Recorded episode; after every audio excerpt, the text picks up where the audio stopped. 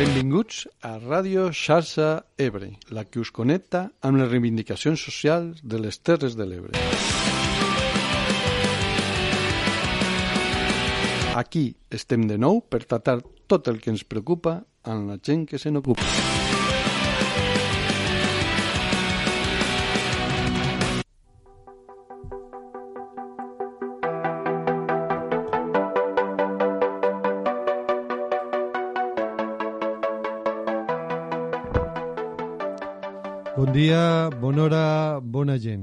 Com esteu? Esperem que, que bé, dins de la situació en la que ens trobem tots. Bueno, eh, el programa anterior, eh, com sabeu els que ens seguiu habitualment, va estar dedicat a un debat sobre l'habitatge i ja van dir eh, en aquell programa que el tema era prou complex, té molts de punts de vista, moltes maneres d'enfocar-lo i al mateix temps és un tema molt important com per a, a fer una continuació d'aquell programa, que és el que farem avui, eh, complementar d'alguna manera i continuar eh, parlant sobre l'habitatge.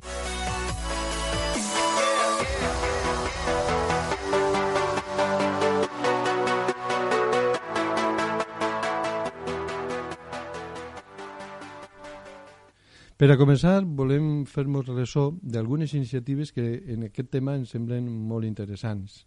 Eh, a Freginals vam tenir la possibilitat d'entrevistar de, a unes persones que estan portant a terme una casa, eh, diguem-ne, bioclimàtica, o també, mm, diguem-ne, que és biodegradable, en certa manera, re, reciclable els seus materials, no? i em va semblar un, bueno, una, una qüestió interessant parlant d'habitatge i vam parlar en ells i també en l'aparellador que, que porta l'obra endavant per a veure aquest tipus d'iniciativa perquè eh, també recordem que la gent de la cooperativa d'habitatge de la Ràpita també es va dir que ells volien anar en aquest sentit, no? O sigui que és una cosa que aquesta gent ha fet de manera més individual, més personal, però que pot tindre eh, repercussions a, a, a altres grups de, grups de gent que puguin estar interessats. Mm, clar, el tema més tècnic de com està fet la, la casa, com està feta la casa, com està construïda, ens ho explicarà l'aparellador i després posarem un petit fragment del que es va dir ell per a que sapigueu una mica de com està feta, però de la conversa en Alessandra, són Pep i Alessandra, aquesta parella que està portant endavant aquest projecte Freginals, projecte La Casa es veu, quan vas cap a Amposta, allà es veu molt, des de la carretera, es pot veure bastant bé, estan ja avançadeta la construcció, i ella, quan li preguntàvem sobre quina rebuda havia tingut aquest projecte dins del poble i dins del territori, com veia... Per què? Perquè ells són de, de Sant Boi, de Llobregat i de Cambrils. Mm -hmm. Perquè havien pres la, la iniciativa de vindre aquí, que veien en aquest territori i, i com s'havia rebut aquesta iniciativa, si a la gent li semblava una mica estranya dins del poble o la gent d'altres puestos. Es va dir coses interessants.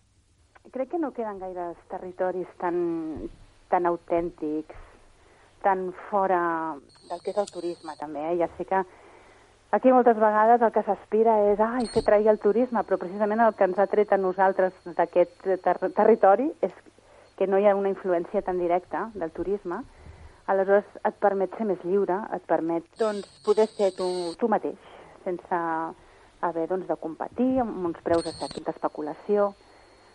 No ho sé, crec, crec que és més lliure. Aquí nosaltres ens sentim molt més lliures jo crec que el que ens falta una mica en aquest territori és autoestima. I el, aquest sentiment com de derrota en el rerefons de qualsevol projecte se'n suma. Sempre hi ha, ui, ja, però potser no anirà bé, ui, ja, però això... Aleshores, eh, és complicat lluitar contra, contra aquest sentiment, no? Interessant, interessant això de l'autoestima.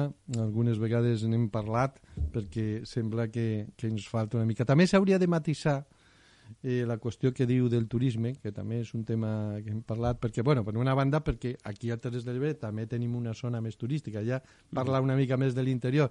I després perquè, clar, no, no volem nosaltres eh, dir res en contra de la gent que es guanya la vida en el turisme.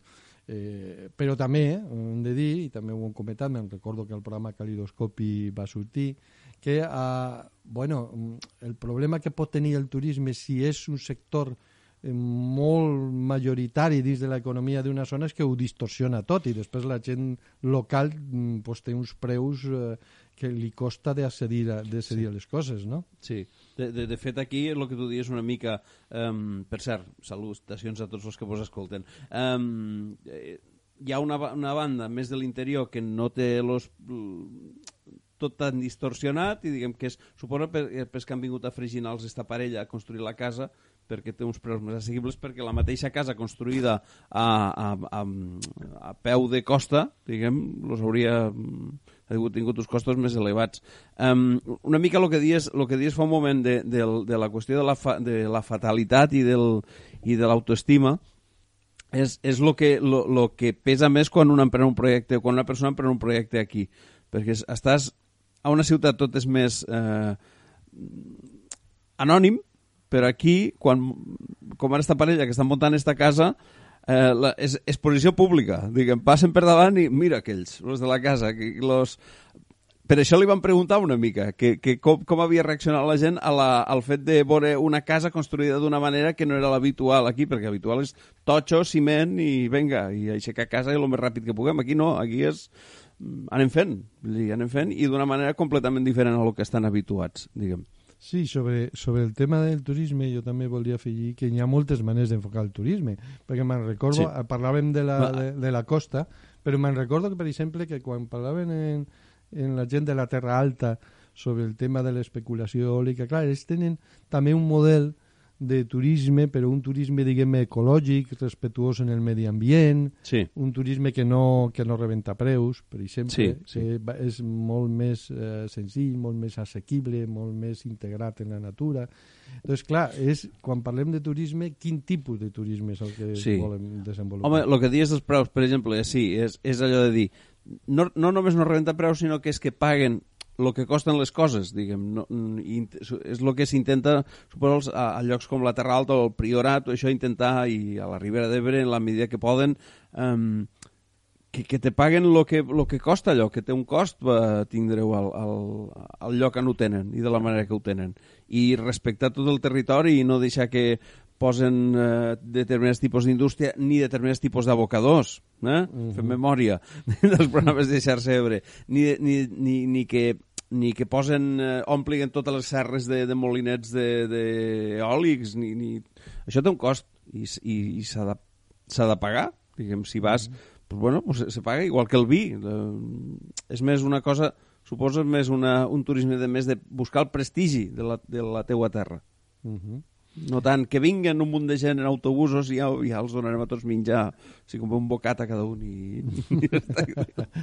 sí, i, i tornant al tema de l'autoestima, sí. que això també dona per a molt, perquè de vegades hem parlat, no tothom, no? però hi ha certa uh, tendència en algunes persones d'aquí del territori a un cert victimisme, com s'ha arribat a dir. No? És aquí, mm. estem abandonats, aquí mm. no, no, no treurem res endavant, aquí iniciatives com aquesta de vindre de gent de fora, i no és tan així, eh? perquè, per exemple, els de la cooperativa de la Ràpita de cohabitatges són del terreny, i aquí hi ha moltes inter iniciatives interessants. És veritat que costa la innovació, però també és veritat que se fan cosetes. El que passa és que de vegades el que costa és la comunicació. Estem molt dispersos i no sí. gaire comunicats. No sí. se saben moltes d'aquestes iniciatives, com per exemple la, la d'aquesta gent. És que això, està molt bé que ho diguis perquè és un dels problemes que de fet tenim a xarxa Ebre quan intentem contactar amb gent que faci determinades coses, que és saber que existeixen. Mm -hmm. Sembla mentida. Tenim xarxes socials que en teoria funcionen, que això n'hauríem de parlar molt perquè és que ja en parlarem, ja farem algun programa, suposo, però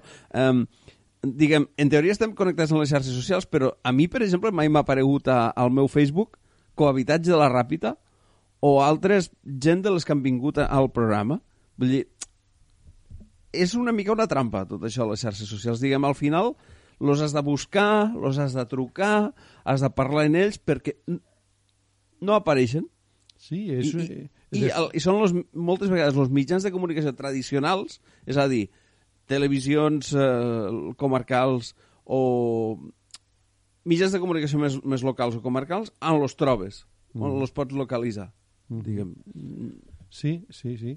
Eh, que passa és que jo, jo reconec que una de les coses que més m'agrada d'estar fent aquest programa és que jo em considero, no sé si és una mica pretensiós, però bueno, podem dir que em considero una, en una certa sensibilitat social i moltes d'aquestes coses no les coneixia. No. I suposo que molta gent no les coneix. És a dir, tu mm, la teua sensibilitat social la encarriles cap a alguna cosa que te crida més l'atenció, tampoc n'hi ha massa temps per a moltes altres coses i de les altres pues, no te n'enteres I, Sí. i és una llàstima és una llàstima perquè realment ens falta fer xarxa precisament Sí.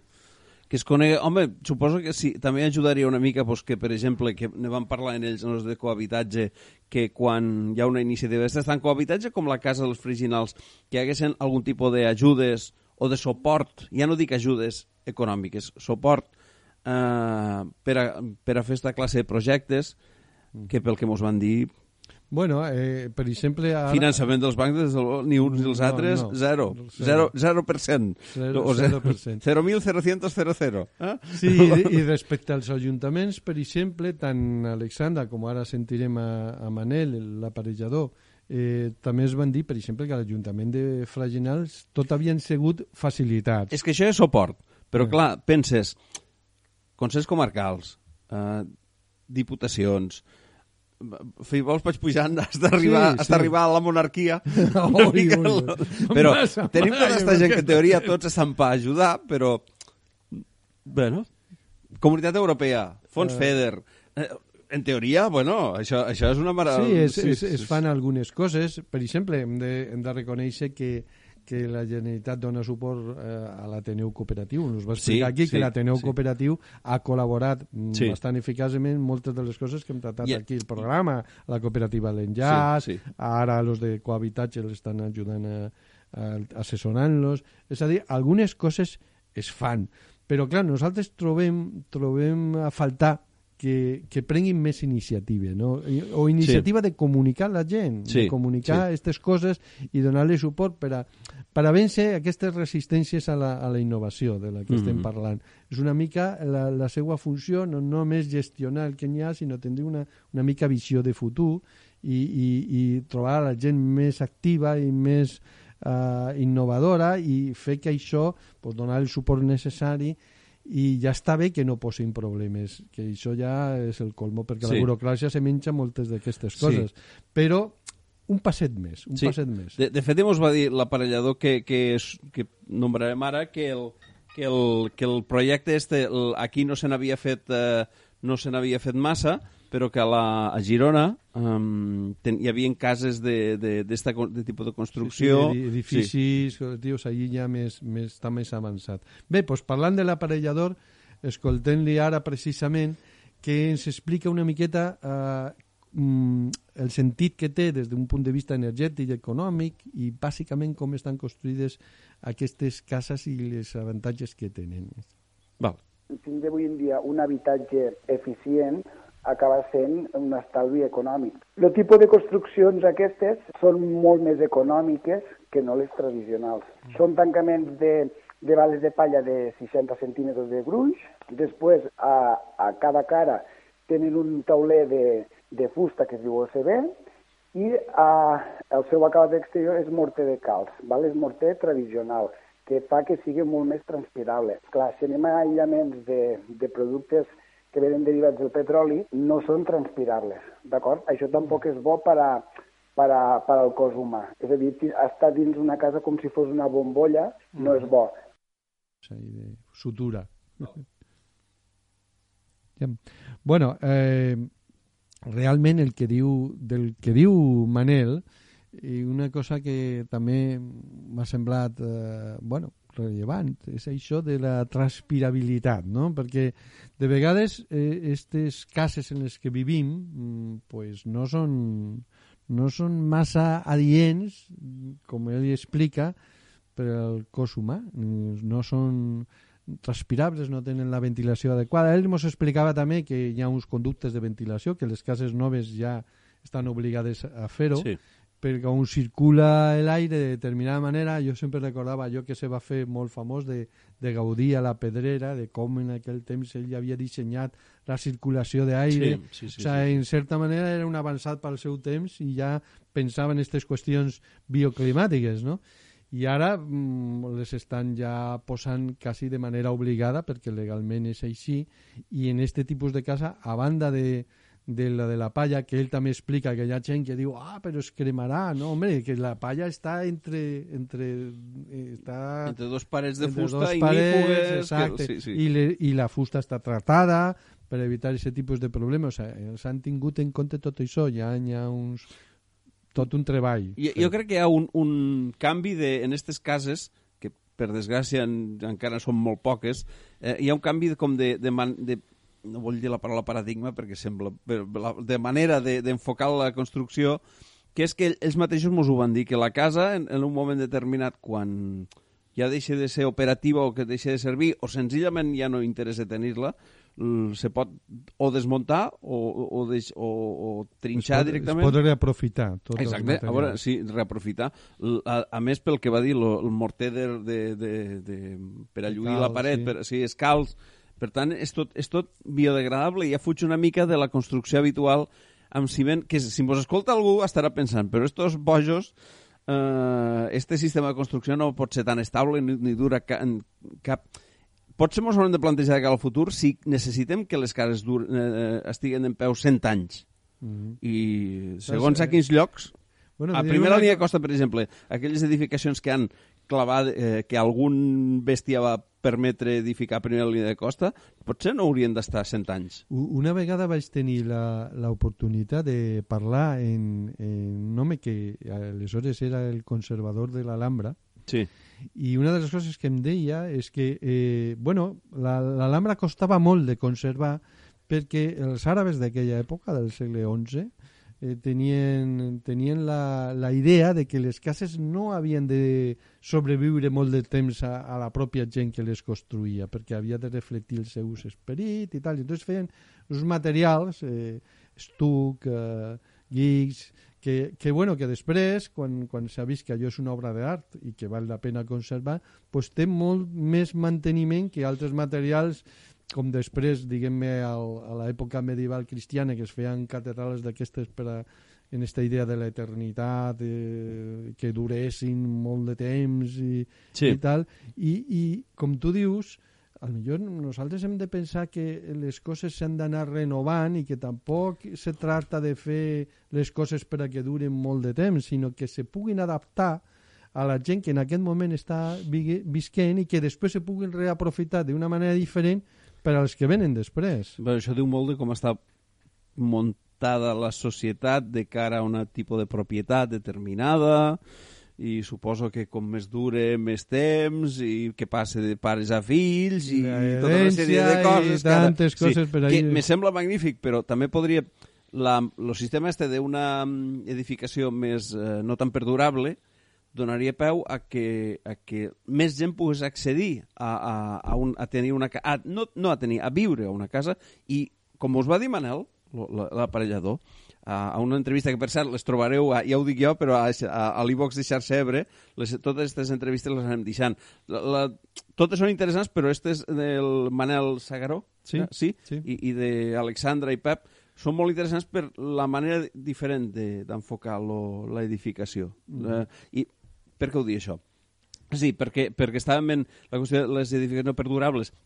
Manel mateix mos dia que la... I m'estic enrotllant massa, o sigui que ara tallaré i continues tu. No, no, no, no, no. Manel mos dia que, que, que, que abaratís els costos i, per tant, permet vendre les cases més barates. Ai, ai, I, ai. i, i necess... moltes vegades les parelles que volen tindre fills i volen tindre una família o, sen... o no volen tindre fills o volen viure en, en junts o, o un grup de gent que això veurem moltes coses diferents eh, en els propers anys suposo. Um, no necessiten una, una, una edificació que dure 200 anys. Mhm. necessiten una edificació ara 20 anys per a fer tindre els fills, criar-los i després volen buscar una altra cosa que de fet és el cicle que ara fa la gent jove, comencen a un pis, després se busquen una casa una mica més gran i van a fent així. Me recordo que en un programa també van posar un tall d'un programa de, del Basté que parlava precisament de que els joves ara tenien un altre sentit de les coses, no només en respecte a les cases, crec que en aquell parlaven, en aquell moment, en aquell tall parlaven d'automòbils, que la gent ja no... Els joves ja no van tant a comprar-se un cotxe, sinó Sí. a l'ús, a, a, a, a utilitzar-lo per un moment i a compartir-lo d'alguna manera. Evidentment, no tots els joves, però una part important. Que això coincideix en la filosofia que tenen els de la cohabitatge de la Ràpida, la cooperativa de Sí, cohabitatge, sí. quan parlen de que la propietat de la cooperativa, però el que tenen la gent que viu allí és la sessió d'ús, tot el temps que vulguin, però que això després pot passar a altres persones quan ells se'n vagin o que sigui, Mm, no? I ja, mm. ja és una altra manera d'entendre d'entendre aquestes coses, perquè temes d'herència i tot això ja hauria molt a parlar, és un tema realment complicat, però el tema eh, eh, econòmic, que tu dius, per exemple, Manel dia, bueno, és que esta casa, una casa de 220 metres quadrats, que és el que estan fent a, a Freginal, pues sortirà per la meitat de lo que costaria.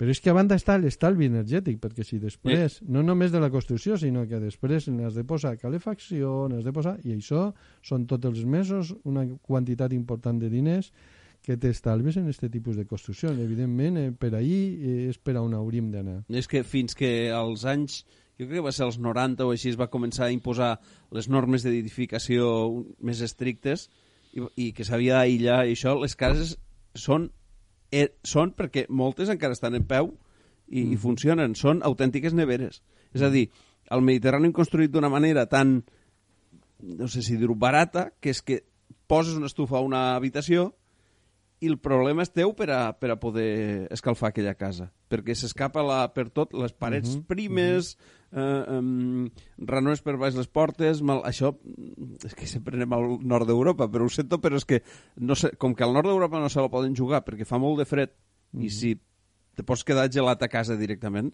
obliguen a que totes les cases tinguin els aïllaments tal com toquen, le, les, allí no s'escapa una... Un... A veure, hi haurà cases antigues que no, però a veure, tenen, són més... No, a més que eh, veient com està el tema de l'energia en general, com està Sí, el tema exacte, de, les, exacte. de les companyies elèctriques Sí, i com sí, abusen, sí. com està el tema dels riscos de les nuclears, en fi, de tot això hauria que, molt que parlar. Diguem-me que tindre una posició d'estalvi energètic és, és crucial en tot això que parlem. Eh, bueno, i, i realment, eh, abans eh, dèiem que eh, l'Ateneu Cooperatiu estava donant un cop de mà a la gent de la cooperativa de la Ràpita, eh, d'habitatge, i van organitzar una sessió en una gent que ja ha fet aquesta iniciativa, un tipus d'iniciativa semblant a Barcelona, un, un edifici que es diu La Borda, i tenen una, una fundació, la Fundació Dinamo, que eh, hi ha una persona, que ara escoltareu, que es dedica a, a assessorar precisament a altres grups que vagin en aquesta direcció, no?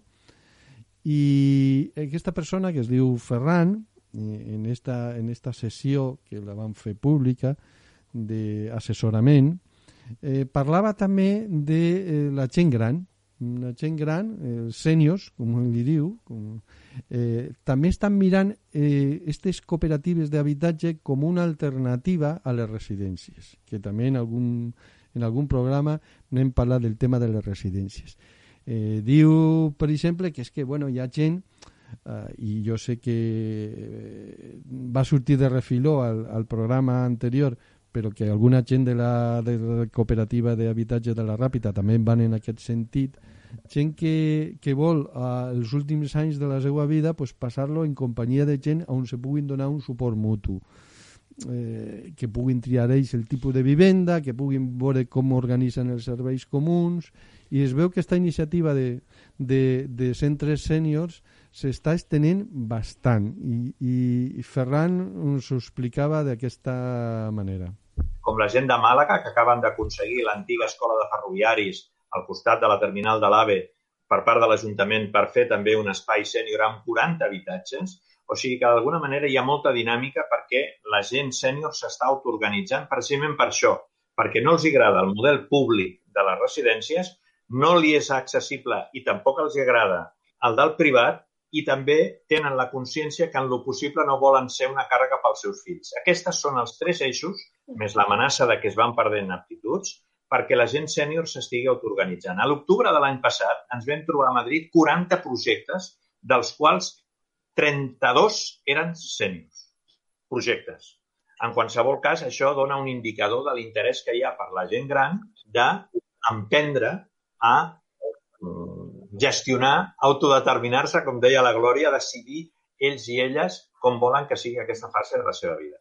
Ho dic perquè el fet de decidir, pensar i actuar junts i juntes ens permet tindre serveis que quan es fan a través de l'administració i ja no dic a través d'una empresa, resulta que t'acaben explotant, acabes deshidratat, acabes tancat o no et porten a l'hospital. O sigui que, d'alguna manera, eh, les alternatives, la qual no tothom pot emprendre aquesta direcció ara, és cert que són possibles i hi ha molta gent que les està emprenent.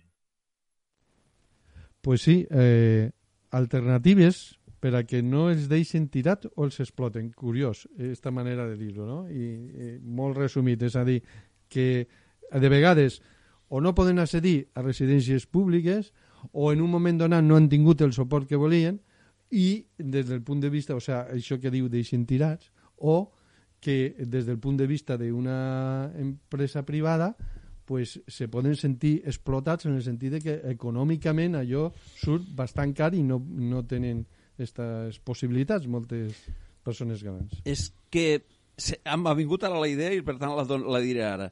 Jo crec que arriba el moment de fer, que, que féssim que féssim tots, eh? perquè to, una mica tots som poble, diguem-ho així, poble no poble, població, sinó poble.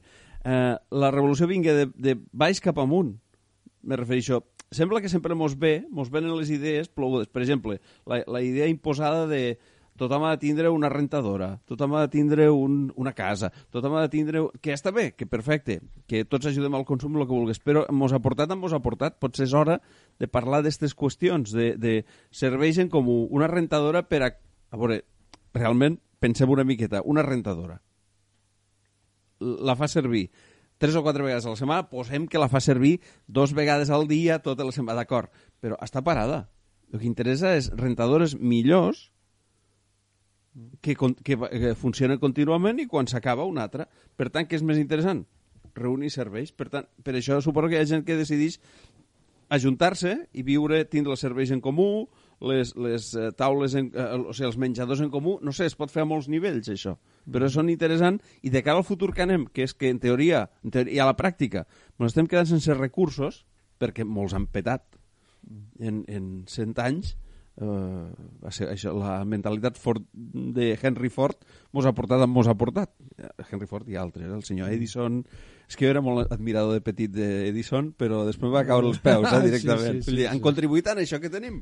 Vull dir, lo, lo, lo, que, i, i els problemes que tenim ara. Per tant potser és hora de canviar el sistema una miqueta Ai, el que acabo de dir.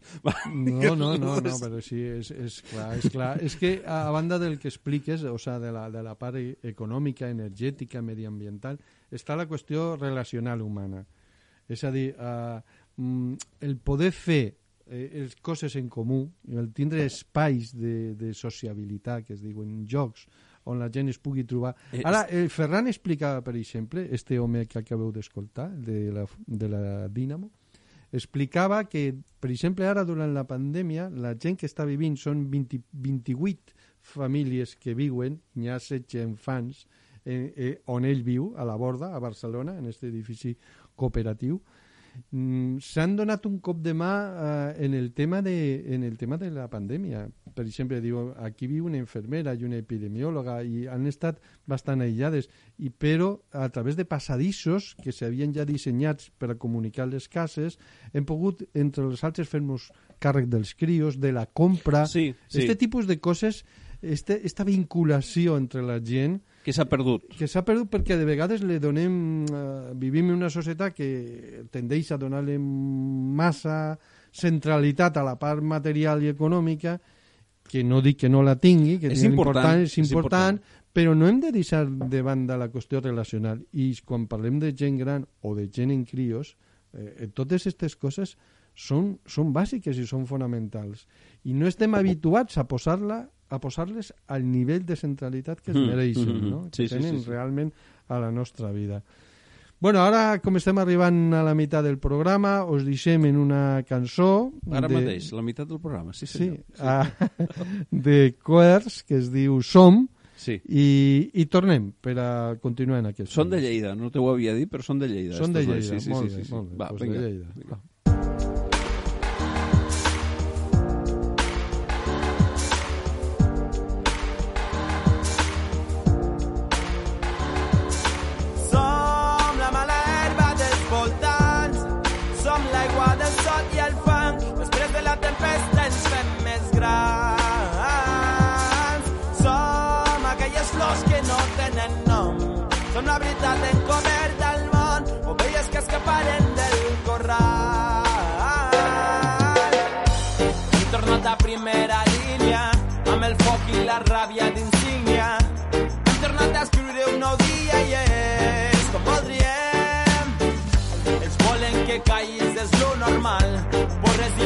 Manies cauen dins de dalt. No podran guanyar la partida més. Som a cridar tornem en el temps com una seqüela del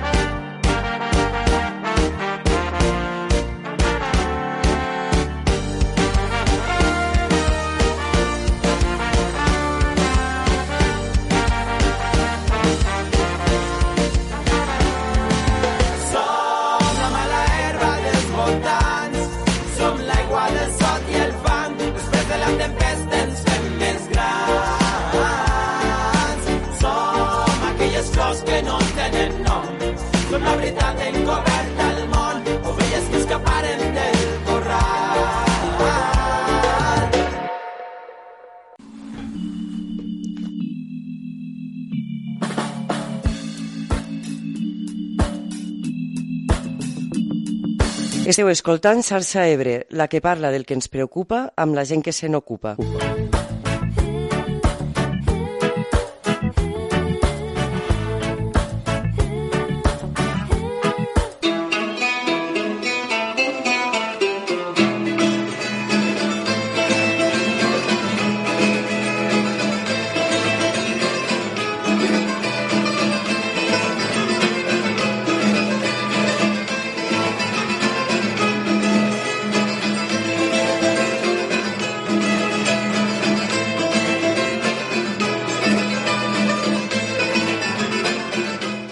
Bé, aquí estem conversant, Juan Carlos i jo, sobre aquests temes, però ens agradaria molt... Fer proclames. Tenir, sí, tenir, tenir l'opinió d'altra gent. I recordeu, recordeu que ens podeu deixar àudios, opinions, comentaris a través del 698 39 30 63 698 39 30 63 mitjançant el, el WhatsApp o el Telegram del programa si no esteu en directe el diumenge, perquè els diumenges podeu utilitzar el xat que, com va dir el programa anterior, ja hem incorporat a salsaebre.net i a Sí. través d'ell podeu dir podeu dir en directe les vostres opinions, però si esteu escoltant en, en diferit, eh, sempre teniu este número de telèfon que acabo de dir per a poder, el 698 39 30 63, Sí. per poder deixar la vostra opinió, introduir temes, fer comentaris, suggeriments, crítiques,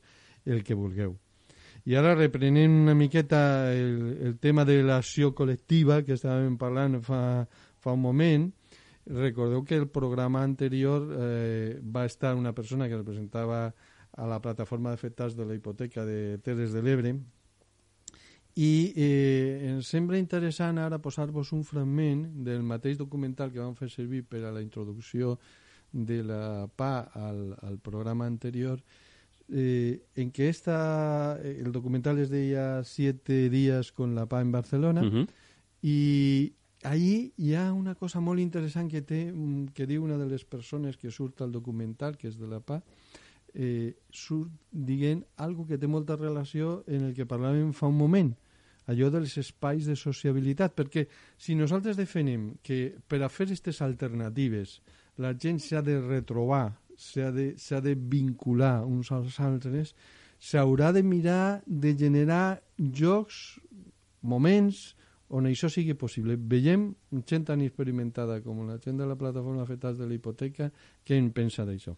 eh, eh, sacaron pues, eh, todas las herramientas, eh, todo el conocimiento para después poder impulsar una plataforma también a nivel local. Y como sabíamos desde un principio eh, que este movimiento, si entre otras cosas, por ejemplo, queríamos paralizar desahucios, requería de la solidaridad del vecino o del que tienes al lado, pues teníamos que generar esos espacios de comunidad, de, de sociabilidad, donde la gente se conociese, donde la gente supiese del problema que tiene el otro, para generar esa empatía que es lo que después hemos convertido en nuestra mejor arma. ¿no? Ahí està. És a dir, se tracta de, de buscar la manera on la gent pugui eh, explicar-se els uns als altres els seus problemes i ajudar-se mútuament, no? I després, d'ahir mateix, sorgiran els projectes en comú, una vegada Mm. que es posen les preocupacions i a, a, a l'abast de tots. Sí. Home, jo recordo mm, ara també els espais que es generen a vegades es generen de manera eh, automàtica. Per exemple, la gent que, que eh, va construir-se tota la gent de la eh, emigració que va vindre d'Andalusia, de Múrcia, això a, a Catalunya, eh, que es van acabar afincant a Barcelona, eh, construïen eh, una mica, generaven un espai de, de, de solidaritat d'esta manera, perquè és que quan tens necessitat te trobes en gent que està igual que tu, pues, t'ajudes, senzillament. El que passa és que la inèrcia actual sembla que mos espenteja A individualitzar-nos, a, a, a, a, molt, molt a l'aïllament, aïllament familiar, inclús aïllament dels adolescents, dels pares, tot això, i, i costa de, de... Tot està pre preparat, diguem, per a cadascú estigui a la seva bombolleta i de tant en tant eh, t'ajuntes en les altres bombolletes. Claro, el tema de l'adolescents, eh, jo quan parlaven d'educació eh, ho, ho trataven, no? Que, eh, Sí. És una època de la vida on l'autofirmació personal, individual, és un, és un motor que surt de dins i aleshores, bueno, pues en confrontació en el món dels adults, ja no ets un xiquet, tampoc acabes de tenir responsabilitats com a gran, entonces, bueno, hi ha una part d'això que hasta cert punt se pot, se pot entendre, però clar, és molt important tratar això bé perquè si esta, este enfocament cap a la qüestió individualista s'acaba mm, arrelant tant que com a persones adultes continuen en aquesta línia, doncs després quan arribes, per exemple, a l'època que ja ets una persona gran, Sí. aleshores venen tots aquests problemes que quan fèiem el programa de gent gran ens explicaven algunes persones, problemes de soledat, problemes d'aïllament, problemes de d'això, de falta de vincles, falta de que la gent de la família eh, pues, té tantes preocupacions, eh, té els seus fills, té tantes coses eh, que s'ha de preocupar que moltes vegades no es preocupa de la gent gran que al seu torn, quan ells eren menuts, se preocupaven d'ells, no? Sí, sí. I aleshores van buscant iniciatives com esta de les cooperatives sènior per a trobar-se entre si persones que estan en situacions semblants i donar-se un cop de mà. És que està molt bé, està molt bé fer-ho d'esta manera i que se comenci a, a siga visible, perquè és que a vegades ho hem parlat quan fem los, preparació dels programes que eh, la, totes aquestes iniciatives eh, destinades a socialitzar la gent, a que, a que s'ajunten, eh, queden trencades molt fàcilment pel, per la feina en sentit contrari, diguem, perquè, perquè la, el que deia abans, que, que el, la marea es penteja en, en, al contrari. Si no hi ha algo, alguna cosa que ho, que ho vagi mm, frenant, passa com en lo delta. Si no es va afegint... Si no deixem baixar els sediments, s'acaba el delta. Doncs pues això és igual. Tots tancadets al seu, al nostre, a la nostra bombolleta i vull que no me molesten, vull que no me molesten. Los, Ja que, ja que dius això, aprofito per dir que el proper programa de Molt, debat molt ben aprofitat. el 25 que serà sobre l'aigua, sobre Sí. sí. l'aigua potable en aquest sí. cas. Però, clar, això té relació eh, també en el, en el riu. I Això, Sí, sí, sí. Ja quan ho vam tratar la primera vegada, en el, en el debat 4, si no recordo malament, van lligar una mica el que era el tema de l'aigua potable Sí. en el tema de l'Ebre. Eh, si Ara aquesta aigua tornen- potable vols dir que, mos, que fem servir com si no s'hagués d'acabar mai. No, Ja, eh? Vinga. exacte, I molts sí. problemes en el futur Sí. vindran d'ahí. Però bueno, eh, aquell, en aquell programa eh, van donar-li prioritat al tema de... perquè comptàvem amb Manolo Tomàs, per exemple, Sí. i en eh, dos persones de la generació jove de, del riu, Sí. i, i li vam donar prioritat al tema del riu. Sí. Mm, Però ja vam esmentar una miqueta el tema de l'aigua potable o aigua de boca, com també es diu, però ara ens centrarem més en l'aigua de boca i contarem amb persones que tenen molt a dir sobre el tema de la qualitat de l'aigua. De fet, ja us puc anunciar que una de les persones que participarà és Álvaro Arasa, que és Sí. doctor en geologia, que ha escrit un llibre sobre el tema, que es diu Aigües. El tinc per aquí, el títol exacte... Aigües, em sembla. Sí, aigües, però després... Aigües, un, aigües. Una té un, sí, té un subtítol que diu Una aproximació a les Terres de l'Ebre. Sí. Sí, sí, que fa anys que reivindica, jo és que les vegades l'he sentit en entrevista, reivindica que d'una vegada els ajunt, tots els ajuntaments de, la, de, de, de les Terres de l'Ebre, però tots, en general, publiquen els anàlisis, facin públics els, els anàlisis de l'aigua que bebem, l'aigua mm, potable que, ens, que ens De prenem a tot casa. això parlarem, mm, en principi, el dia 21 de febrer, eh, us confirmarem la data perquè... Eh, En directo, eh? En directe, sí. Sí, sí. A més, eh, de vegades no la confirmem fins que tenim ja assegurats a tots els convidats. Sí. De, moment, Álvaro molt amablement s'ha ofert a participar. T'has una mica a la, a la piscina, no, ara? Sí, sí, aquí. No, home, ja, ja han confirmat la data en ell, però hem de Sí. mirar les altres persones. Sí. I, i bueno, Ah, per, per tant, en directe, en xat actiu sí. i tota la pesca, Sí, podeu sí. participar. xarxebre.net i ximpunt, I eh? podeu també fer preguntes per avançat o, o el, que, el que considereu de la manera que abans ho hem dit. Però bueno, al millor algú pensa que totes aquestes coses eh, són una mica, per dir-ho així, postmodernes, no? De este tipus de, de organitzacions col·lectives i tal. I, bueno, ja ja ens va dir Algarra, David Algarra, que el vam entrevistar pel programa, que va fer un estudi molt interessant El comú sobre català. el comú català, sobre l'organització i com l'havien desmantellat. Aquestes coses venen de, de, molt, a- de molt enrere. I després, una cosa que sona de vegades un nom que sona com a, bueno, eh, més antic, però que té molta relació també en la qüestió col·lectiva i que no podem deixar de banda, és el tema dels sindicats. Claro, es va, es va cridar l'atenció que l'organització per a defensar, eh, que parlem d'habitatge, els jogaters, es digués sindicat de jogateres. I li van preguntar a, a, a aquesta noia, la cap de comunicació del sindicat de llogateres, a, a Sílvia Badia, li van preguntar per què havien triat aquest nom de sindicat. I ens va dir això.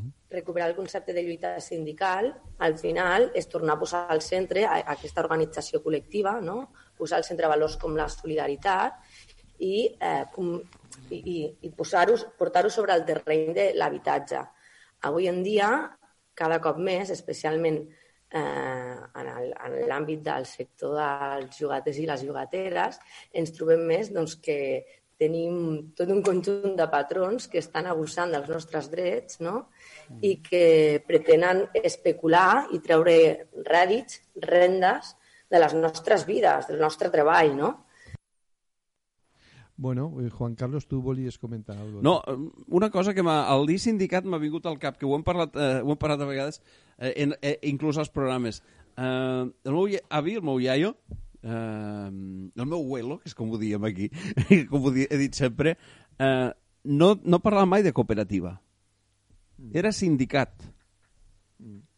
Sí, sí, la, tra Mm, no la sé, tradició... no, sí, no puc recordar, no ho sé, eh, si és que abans la, coope- les cooperatives les nombraven com a sindicats, però... En part això també, sí. Sí, però sempre havia sigut... Vaig al sindicat, era mm, tant la part del sindicat d'aigua, que era la que administra, la comunitat de regants que administra, com la cooperativa on compraven que, coses... eh, en la tradició catalana, si no vaig equivocat, síndic, d'ahir síndic de greuges, o també diuen, per exemple, el portaveu parlamentari eh, eh, a València, per exemple, és la síndica o el síndic del Sí. determinat grup. Sí. O sigui, algú que representa el col·lectiu, aquesta, aquesta versió. Després, que eh, està molt associat al moviment obrer i Mm. als sindicats obrers, però bueno, té un sentit, per almenys a la tradició catalana, té un sentit bastant ampli d'acció col·lectiva. Sí, suposo que el s'han hagut al no haver tant, eh, o al ser les estructures més de base la gent s'ha més en, en qüestions en abans els pagesos era habitual o que existigués un lloc una espècie de reunió per a, no sé, per a poder prendre les coses d'una altra manera o, o per a poder sortir Encara hi ha noms per ahir de sindicat d'aigües, no sé què, o Sí. sindicat de no sé què, que Sí, sí. fa referència a aquesta qüestió que avui en dia quasi tenim més associada a la paraula cooperativa, no? Sí, sí. però que en realitat era això, acció, acció col·lectiva, algo comú. Algo comú, al, algo que, que és de tot... Sí, eh, molt bé, ho has dit molt bé, has, has, has reblat bé el... És, a, algo, era com algo comú que tenim entre tots que ens serveix per a gestionar-nos millor, això. Clar, és, és tota una filosofia de vida que, que bueno, el sistema socioeconòmic en què, en què vivim, com explicava el Garra, se l'ha vingut carregant, però que és eh, defendre el que és de tots i valorar-lo, perquè hi ha gent que com no té este costum, no té esta socialització, després quan una cosa és comuna, pues, la descuida d'una manera que Sí. se l'ha de dir, perquè de vegades se diuen això als col·legis, i diu, ah, això a ta casa no ho faries. Mm. No? Per què? Perquè, perquè esteu, no? I entonces Sí. què passa? Que lo que és comú, ala, va, no Sí, s'ha de sí, cuidar sí, sí, ningú sí, sí. i ja... Pues és al revés. Exacte, exacte. Esta, esta és la, la filosofia de vida, la, la manera d'entendre les coses d'este sindicat cooperativa comú és a dir, el que és comú té molta importància, ho hem de defensar entre tots, ho hem de sentir com a nostre i defensar-lo inclús més que si fora propietat nostra. Bueno, com que mos han venut més la moto del, de l'home fet a si mateix, de distingir-se dels demés, no sigues... Mal entès, perquè està molt bé distingir-se dels demés, però no per a... O sigui, mos, mos conduïen una mica lo de la caseta, el teu cotxet, lo teu, les teues co coses, que està molt bé també, però potser no és necessari tot. Sí, és a dir, quan carreguem contra l'individualisme, en realitat eh, carreguem contra el que és l'abús de l'individualisme. O sigui, Sí. nosaltres, eh, una part de, de, de l'individualisme que podem acceptar com a, com a positiva, en certa manera, és l'autonomia individual. És a dir, Sí. la gent ha de poder ser creativa, ha de poder tindre el seu desenvolupament personal en les millors condicions, però això no ens ha de portar a un consumisme de que tothom, com tu dies abans, tingui la seva rentadora, el seu cotxe, el, la seva casa, tot, tot eh, unipersonal o unifamiliar, i les Si coses és- col·lectives abandonades. Si, no? és nece si és necessari, sí, però plantegem si sempre és necessari. No? I, eh, per exemple, la cooperativa d'habitatge ho diuen, tu tens, tu tens un espai personal, un espai d'habitació que és personal, Sí. però després tens uns serveis comuns que entre tots heu decidit quines eren els comuns. Oh, exacte. Eh, Ja ho, de fet, eh, el que deien esta gent de la Ràpita, si no recordo malament, és que la part de cuina i menjador és el que ells han pensat que podria ser comú.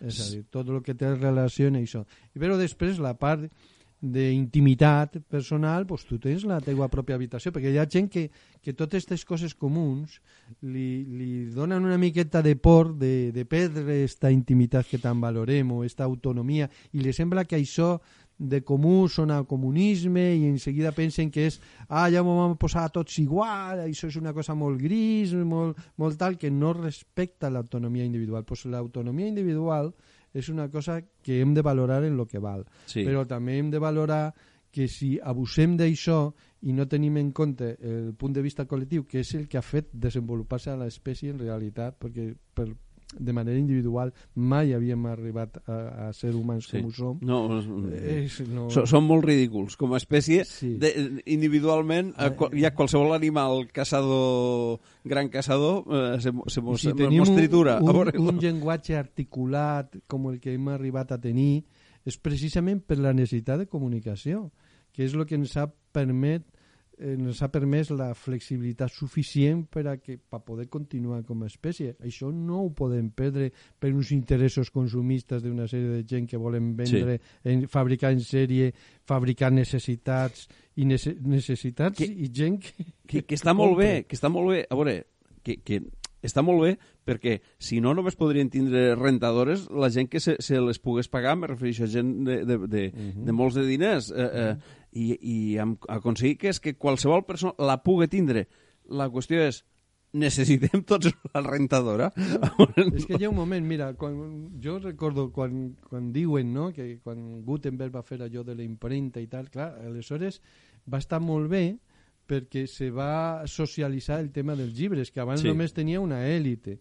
Però la il·lustració serà el que serà i haurà portat, i el Renaixement també, però no deixa de ser un moviment bastant elitista, que Sí, sí, només uns sí. sí. quants en tenien accés. Sí que mm, feien proclames de, de, de preocupar-se pel benestar de tots per uns quants il·luminats, no? Sí. D'allò de despotisme il·lustrat, de, de l'il·luminisme i tot això. Però, en definitiva, la, coses com la, com la impremta va, eh, entre cometes, democratitzar l'accés a determinades coses. Sí. I, I alguns aspectes de la fabricació en sèrie també es poden veure d'aquesta manera que, bueno, baixen preus, eh, se fa accessible moltes coses a, a, a, a molta gent, però sempre la nova tecnologia o les últimes coses o els últims descobriments sempre estan durant una etapa en mans d'uns poquets. eh, Sí. Que són, perquè és esta cosa, la distinció, no? el tenir això que és el que fa eh, precisament el que m'identifica com a membre d'una certa elit. Jo- I això és el que hauríem de tenir en compte, que per damunt d'això, d'aquest sentiment de- d'elit, de, de ser... Eh, està el, el benestar del conjunt.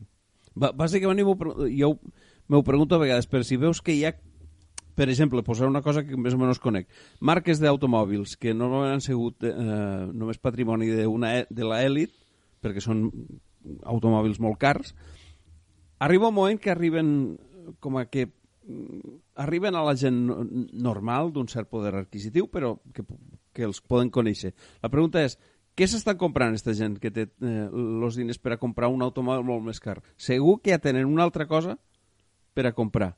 I això ja és per al, per al comú dels mortals, diguem. Sí, Que és que la, la dinàmica sembla ser aquesta. Primera, fabrico una cosa novedosa per uns privilegiats, quan ja tinc saturat aquest sector del mercat, aleshores ja faig una cosa mm, més vendre el, rebaixadeta. el, el, eh, i- eh, la, i- la, de, la cara la faig que dure 15 Exacte. anys i l'altra, si en dura 5, I l'altra la faig per al comú dels mortals, com que diu, o no tan comú dels mortals, per les classes mitjanes i això que es diu així, perquè en molts països tampoc arriben, i molta gent d'aquest país tampoc, però bueno, ja se generalitza més, i aleshores perquè és el penúltim crit, no? Però l'últim crit continua sent per sempre hi ha l'últim crit. Al- Bueno. A l'últim crit no podem arribar.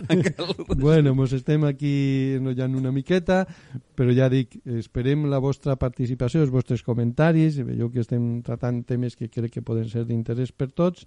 També, també us, us podeu dir no mos agrada el que dieu, Sí. o me sembla que bon ha anat molt per una cop lloc i Exacte. per los cerros de Úbeda, localitat bonica, localitat de Jaén, per cert, però, però mos ho podeu dir si no us agrada també, eh? I, i farem altres coses o, prov o provarem Mm. No, altres coses. voldríem que participéssiu i ens diguéssiu la vostra opinió perquè això ens ajudaria a conduir entre tots una miqueta el Sí. programa. Ara estem ja arribant al final, eh, anem acabant, us deixem de moment en los hermanos Cubero i el seu trabajant en, trabajando en la MSA, que és metal, construcció, i la, ara, ara ho escoltarem de què va, Ah. i tornem per a fer el Automo automoció? Ara veurem. Ah, veurem. ¿Tirón entonces? ¿Eh? ¿Tirón? Sí.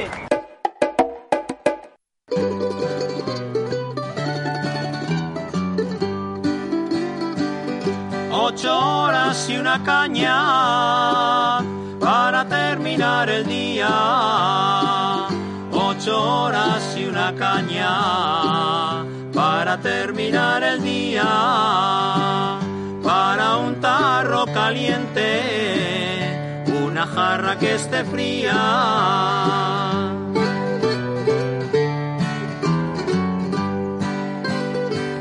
Soy parte de un porcentaje de unas cuentas financieras.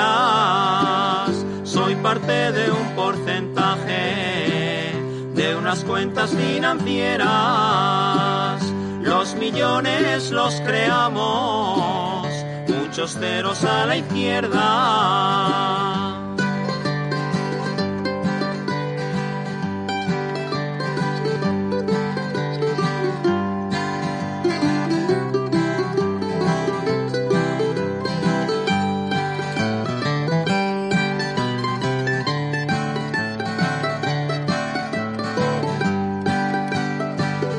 Trabajando en la mecea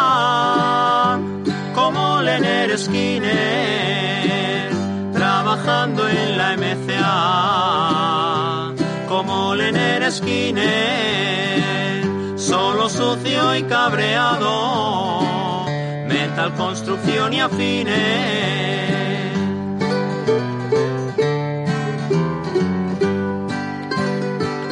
Si la unión hace la fuerza, dime quién se une a los lobos. Si la unión hace la fuerza, dime quién se une a los lobos. Ve y pregúntale al enlace de la lista de los topos. Metal, construcció i afines. Deu ser un epígraf de, del, de, de, de, sí, es de- dirà aquest, sí. aquest sindicat o aquest grup. Eh, sí, sí, sí. Sí, sí, que- Aquest sector. Treballs sector molt durs tots, eh? Sí, Sí, sí, sí.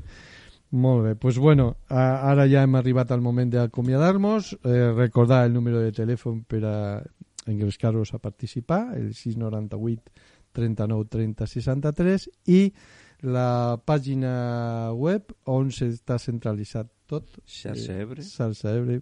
Punt net. Punt net. Molt neta. Molt, Sí. sí. Fem net. Com nosaltres, som una gent molt neta. fem net, fem net. Sí. I, Mo- di- Mos dutxem per a, cada, pro- per a fer el programa. I dit, I dit això, eh, agrair a totes les persones que ens han ajudat a fer aquest programa i eh, de la part del, del equip de Salsa Ebre, Juan Carlos Fibla i Vicent Pruñonosa, que us parla, i acomiadar-nos desitjant- desitjant-nos salut fins a diumenge que ve. Els que ens escolteu el diumenge i els que ens escolteu dimecres o dissabte, pues, fins a la setmana vinent. Salut!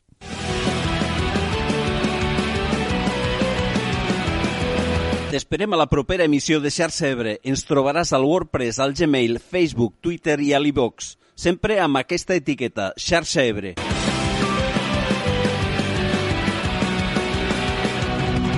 No oblides subscriure't, sabràs les dates i els convidats dels propers programes. Fins aviat, seguim fent xarxa.